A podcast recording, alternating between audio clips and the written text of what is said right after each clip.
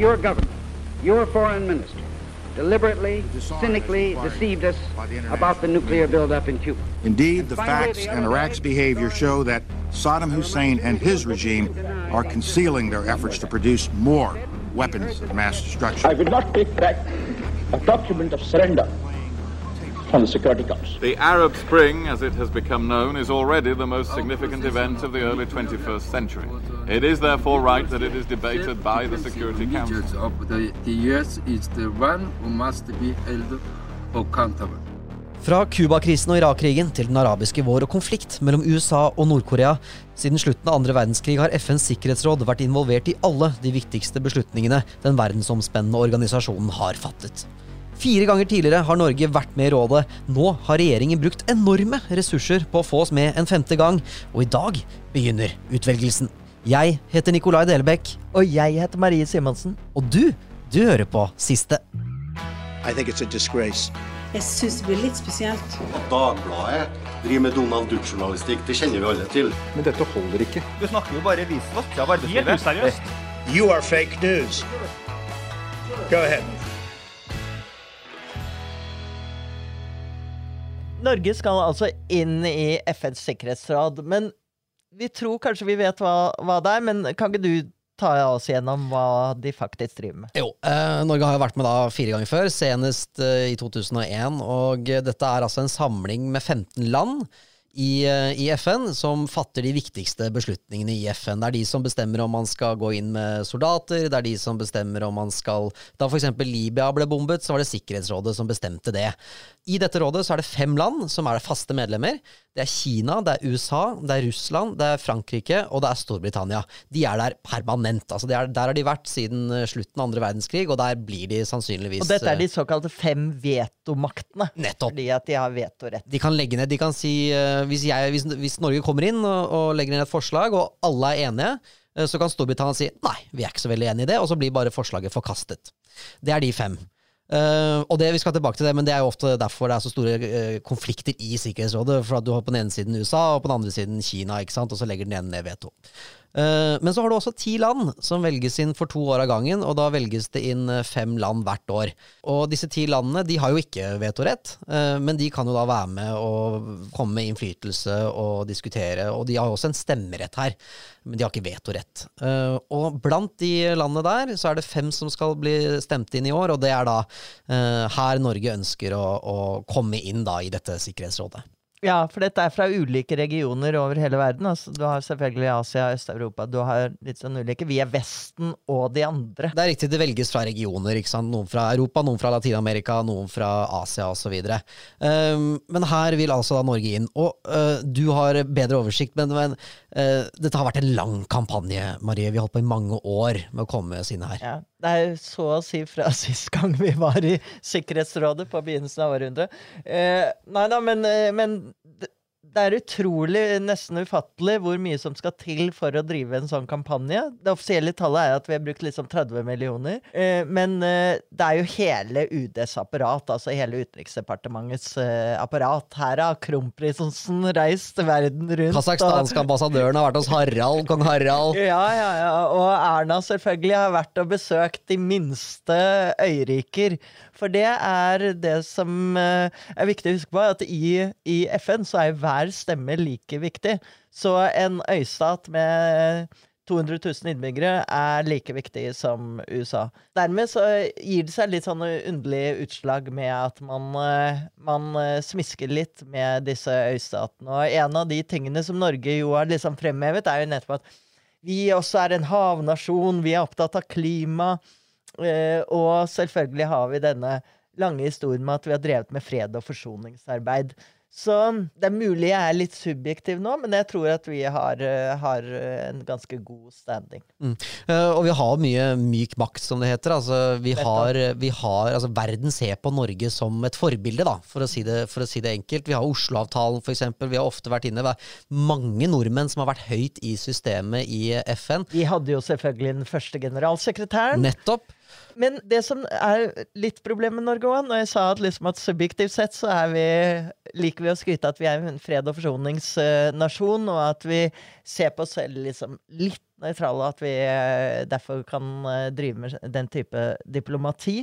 Men jeg tror nok det er jo mange som ser oss som et haleheng til USA.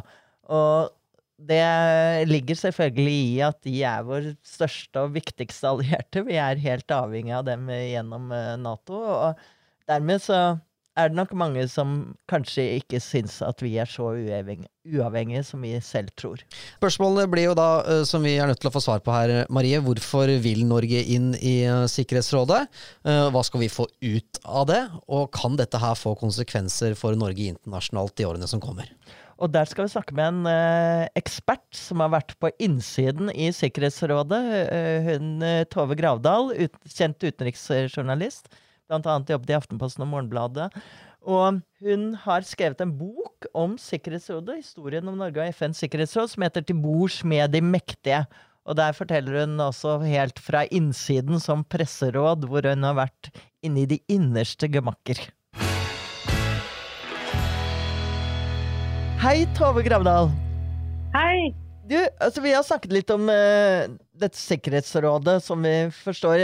Du kaller det det mektigste organet i hele verden? Ja, det er i hvert fall uh, ingen andre institusjoner som kan konkurrere. Sikkerhetsrådet har altså myndighet til å starte kriger, til å blande seg inn i et lands indre anliggender, påføre et land sanksjoner og eh, gripe inn i ganske mye av den nasjonale suvereniteten som er eh, viktig for eh, nesten alle verdens land. Og det er jo veldig, veldig mektige maktmidler som Sikkerhetsrådet har til rådighet. På den andre siden så bruker jo ikke alltid Sikkerhetsrådet de maktmidlene, for de forutsetter jo at eh, medlemmene av Sikkerhetsrådet er eh, mer eller mindre enige, og i hvert fall at ingen av de fem stormaktene i rådet nedlegger veto mot beslutninger om å eh, ty til våpen f.eks. For, eksempel, for å gripe inn i et land. Og det skjer jo ganske ofte, siden nettopp disse fem vetomaktene er ofte involvert i de konfliktene det gjelder. Ja, og vi så det sist i 2011 at Sikkerhetsrådet faktisk brukte dette mektige våpenet da de eh, autoriserte våpenmakt mot uh, Libya. Og etter det har det vært veldig veldig vanskelig å få til noe tilsvarende. Fordi Kina og Russland mener jo at de vestlige landene den gangen misbrukte det mandatet de hadde fått fra Sikkerhetsrådet. Og brukte det mandatet til å styrte Gaddafi. Noe som ikke var hensikten med det mandatet. Og siden da har det vært uh, mer eller mindre umulig å få sikkerhet, sikkerhet, Sikkerhetsrådet til å enes om, en, uh, om å bruke våpen og, uh, mot noe land i verden. På den ene siden så høres det jo litt sånn fristende ut for et lite land som Norge å komme inn blant de aller mektigste og sitte ved det du kaller de mektige spor. Men, men, det høres jo også ut som et lite risikoprosjekt, for her sitter jo alle disse store gutta som som uh, ikke alltid er så glad i å bli kritisert. For eksempel har vi jo opplevd det når det gjelder Kina, hvor vi var i fryseboksen i syv år pga. noe ja. til Liu Xiaobo. Ja, og for et lite land som Norge er det jo selvfølgelig ekstra krevende. Og det er ikke bare de store gutta, det er noen mektige kvinner rundt dette bordet også. Bl.a. Kelly Craft, som er president Donald Trumps uh, utsending til, uh, til FN. Hun eh, håndhever en politikk i, det, i FNs sikkerhetsråd som er ofte helt på tvers av det Norge står for, bl.a. i spørsmålet om eh, Israel-Palestina, i spørsmålet om sanksjoner mot Iran, blant annet, som er veldig aktuelt nå. Og, og, det er veldig vanskelig for Norge, eh, særlig hvis Trump blir gjenvalgt som president, så blir det ekstremt krevende for Norge å sitte i Sikkerhetsrådet. Det er tross alt vår Eh, den aller viktigste allierte, garantisten for eh, sikkerheten her i Norge gjennom Nato.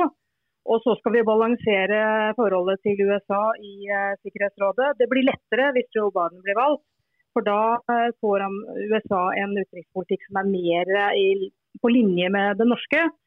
Og så har vi Russland, selvfølgelig, som er en en betraktes som en større trussel mot Norge nå enn da Norge sist satt i Sikkerhetsrådet for 20 år siden. Og selvfølgelig, som du sier, Kina.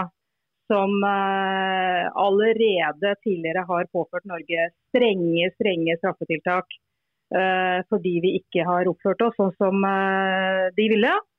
Og hvis vi gjør det i, i Sikkerhetsrådet og kritiserer Kinas menneskerettighetsbrudd f.eks., så risikerer vi altså at Kina tyr til den samme maktutøvelsen overfor, overfor Norge. Hva er det som Norge får ut av dette her? Altså, hva, hva, er grunnen til at Norge Hva er det vi får ut av å sitte i et sikkerhetsråd med masse store spillere?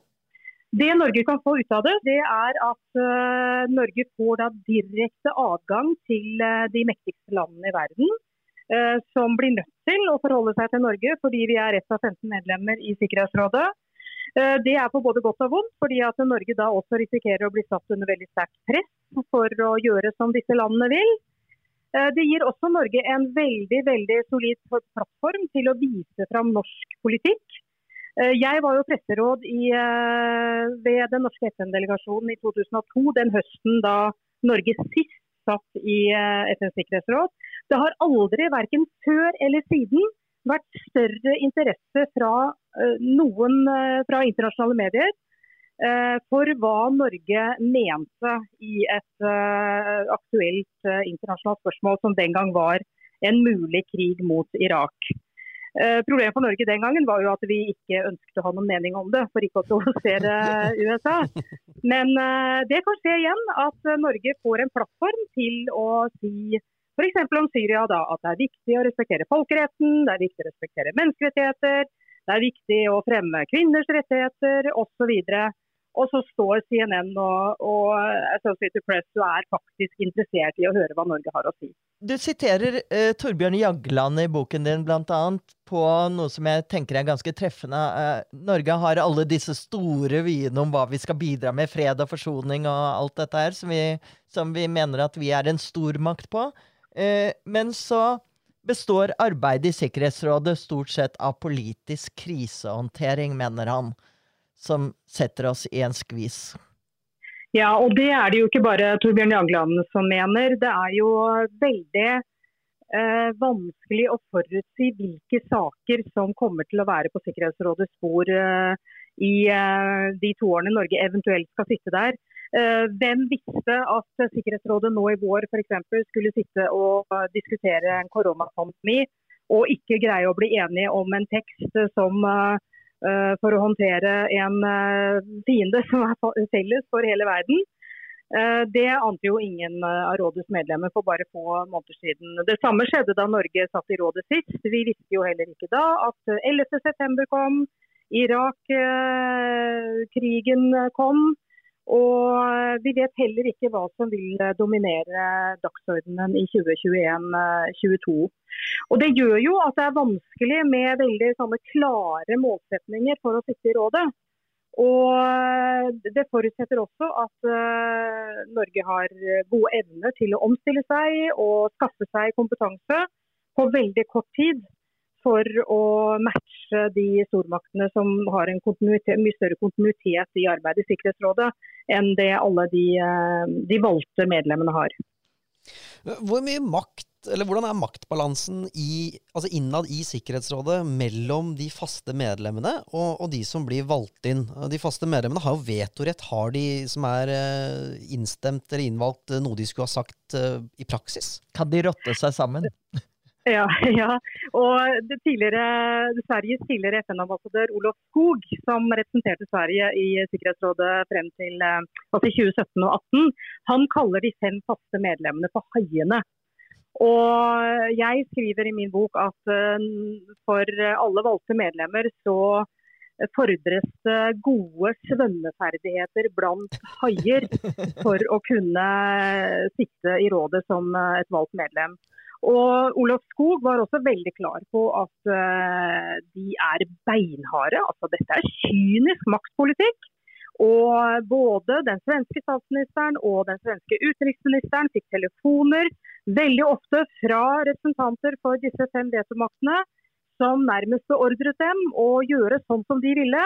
Og skulle presse dem på alle mulige måter for å, for å opptre sånn som de ville i eh, FNs sikkerhetsråd. Hva gjør man da hvis både Kina ringer og ber deg gjøre nøyaktig som du vil, og så ringer USA og sier 'gjør som vi vil'? Hva gjør man da? Ja, hva gjør man da? Det er jo, dette er jo diplomatiets kunst. Og, og, det å stå imot og vite hvor altså, Norge har jo noen grunnleggende prinsipper, ikke sant? dette med menneskerettigheter osv. Og, og skal noe bli vedtatt i rådet, så kan det hende at man må fire på prinsippene. Og, og si at OK, vi får kanskje ikke med en oppfordring til å ikke fengsle journalister akkurat i den resolusjonen. Men kanskje det er bra for de journalistene likevel at uh, hvert fall Sikkerhetsrådet sier at uh, du må respektere ytringsfrihet. ikke sant? Og, um, og, det kan jo da Norge få kritikk for. At vi firet på kravene til uh, respekt for menneskerettighetene. Men og, og, og, så må man finne ut hvor går grensen. da? Hvor langt kan man gå i kompromisser før det liksom går på bekostning av, hva, av vår egen troverdighet. Det blir som en hestehandel, eh, på en måte? Ja, og det er jo det som er diplomati. Det er jo eh, hestehandel og kompromisser. Og det er ofte ofte smertefulle kompromisser, i hvert fall for et land som Norge som, uh, som står så sterkt på disse verdiene, demokrati, menneskerettigheter. Og som nå egentlig står ganske lavt i kurs på den internasjonale arenaen. Uh, målinger viser jo at uh, demokrati er i tilbakegang i verden. ikke sant? Og det, det, er krevende å skulle forsvare demokratiske verdier også i FNs sikkerhetsråd nå. Du har jo, som du var inne på, rett og slett vært flue på veggen uh, inne i Sikkerhetsrådet og sett hvordan de jobber. Uh, når vi hører ordet diplomati, så tenker vi liksom at folk er høflige mot hverandre og har runde formuleringer og sånn, men det kan gå en kule varmt der inne, som du beskriver. Hvordan oh, ja, ja. er omgangstonen der? Ja, altså Omgangssonen er stort sett ganske høflig, men du verden, det kan gå en kule varmt. altså. Men det som er så rart, synes jeg, nå vet jeg ikke hvordan det blir eh, neste år hvis Norge kommer inn, da, fordi at koronapandemien legger jo en demper på den fysiske møtevirksomheten. Men det som forundret meg, var liksom den der fysiske nærheten. Altså Én ting er det store rommet som vi ser bilder fra og som vi kjenner igjen fra, fra, nyhetsmediene. Men de viktigste møtene i Sikkerhetsrådet de foregår i noe som heter konsultasjonsrommet ved siden av. Og der sitter ambassadørene så tett. De sitter og kan ta på hverandre. Og Norge satt ved siden av Russland den gangen for uh, eh, 20 år siden. Og, og, den norske ambassadøren satt alltid ved siden av uh, Sergej Lavrov, som da var uh, FN-ambassadør og, og, som nå er russisk utenriksminister. Og du kunne liksom lese papirene til Lavrov, ikke sant? det som, det kunne ha lest russisk. Og, og følge med på samtalene dem med russerne imellom. og Det er liksom fysisk veldig tett. Og så opptrer man høflig, og så tar man ordet i rådet, og så er det liksom et knyttneveslag ofte, da. Eh, når de skal markere sine standpunkter. Men uh, det er utrolig interessant dynamikk. Og En av grunnene til at jeg sier at uh, det er riktig av Norge å gå inn i FNs sikkerhetsråd, det er nettopp fordi at sånne svorne rivaler og ofte fiender, de møtes faktisk ansikt til ansikt i FNs sikkerhetsråd. Og det kan jo ikke være gærent for å bidra til å hindre krig i verden. Det er i hvert fall bedre at de gjør det, enn at de ikke gjør det.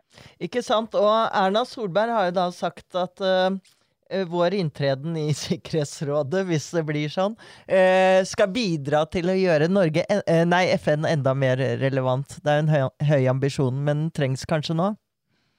Ja, den trengs jo virkelig, altså. Det er, det, det er nødvendig med land som ønsker at land skal samarbeide, rett og slett. At de skal finne fredelige løsninger. At ikke det er jungelens lov som gjelder at den som er sterkest får bestemme i verden. Vi har hatt det sånn i mange århundrer, og vi ønsker jo ikke en sånn verden. Og FN er med alle sine feil og mangler, så er det tross alt et møtested hvor altså Det er ganske sterkt å oppleve når du er i FNO-kvarteret, særlig under generalforsamlingen, at uh, Irans president er der, at uh, Venezuelas uh, leder er der. At sånne sånne fiender og, og, motsetninger får lov til å bryne seg mot hverandre da, i FN. Selv om det kanskje ikke leder til noe, så er det likevel et sånn møtested som, uh, som verden trenger. Uh, nå har jo Russland lagt ned veto på Syria-problematikken i, i, Sikkerhetsrådet. Uh, Kina vil ikke engang ta til behandling i hovedrådet dette Hongkong-problematikken, hvor de prøver å gjøre det mindre og mindre autonom, for de mener det er jo ikke en, en et verdensproblem. og som du sier, da, så, så kommer de ikke til enighet rundt en felles fiende som hele verden har, nemlig covid-19 og korona. Uh, litt kynisk spørsmål og veldig veldig eh, enkelt, men har Sikkerhetsrådet utspilt sin praksis, uh, prak praktiske rolle? Nei, ikke enda. Altså, det er mange som, som sammenligner Sikkerhetsrådets uh, samarbeidsklima nå med den kalde krigen. Fordi det er så mye rivalisering og interne motsetninger i rådet. Det er ikke riktig så ille. Under den kalde krigen var det noen ganger helt stillstand. I 1959 f.eks. så hadde rådet bare fem møter og vedtok én resolusjon. Eh, nå har de masse møter, selv om det foregår på eh, videolink. Og de vedtar uh, også masse resolusjoner. De fleste av dem er jo fornyelse av uh, mandater for fredsbevarende operasjoner. Og det skal man ikke kimse av, fordi det har skjedd mye gærent i disse fredsbevarende operasjonene også. Men noen av dem har bidratt til å dempe konfliktnivået. Og, og er viktige for noen mennesker i verden. I Syria så har også Sikkerhetsrådet faktisk greid nå i seks år å vedta korridorer for å bringe nødhjelp inn til folk i eh, opprørskontrollerte områder. Nå skal det mandatet reforhandles, for det siste mandatet går ut nå 10.7, og da blir det vanskelig. Men, eh, men, det har jo reddet mange mennesker, det er det ikke noe tvil om. Så de, har, de er ikke helt irrelevante. Er det et prestisjenederlag om vi ikke kommer inn? Og ja, voldsomt. Det er, eh, altså UD har jo brukt så enormt mye ressurser på dette her. Det er jo mange av diplomatene i UD som egentlig er ganske lei av hele kampanjen. For de er jo blitt eh, belemret med rosa nøkkelbånd og rosa sokker og skal gå rundt og markedsføre Norge i verden. Og eh, veldig mye av, eller alt UD har holdt på med, egentlig har vært liksom, sett i lys av denne sikkerhetsrådskampanjen. Så det er klart det er et nederlag. Og Norge har jo vært medlem fire ganger før. Og, og, eh, har greid å bli valgt inn de fire gangene, og, de fire gangene jeg har vært kandidat. Så hvis eh, da Norge ikke greier det en femte gang, så blir det et voldsomt nederlag eh, for Norge. Det får vi vite antagelig kanskje allerede i kveld. Dette, vi tar opp dette onsdag ettermiddag. Spennende dager for UD og for lille nasjonen Norge. Avstemningen begynner altså da i FNs generalforsamling i dag klokken tre, og kom, kommer altså, som, som, Tove her sa, til å vare i hvert fall i dag frem til klokken eh, halv åtte. 193 land skal avgi hver sin stemme. Eh, hver stemme teller helt likt. Og du må ha to tredjedels flertall for å komme inn, så det er jo ofte det som skjer, er at det er et land som blir valgt først, som blir klart i dag, men så kan det bli en hard kamp om de neste plassene. Og nå i dag kjemper vi også mot Irland og Canada. Irland som vi kjempa mot faktisk sist vi var eh, inne på starten av 2000-tallet. Da vant eh, Irland eh, første runde, og så vant Norge andre runde mot Italia. Så dette kan bli spennende. Og som vi hørte fra Tove, hvis de ikke kommer inn, så er det et enormt nederlag. Så dette blir spennende.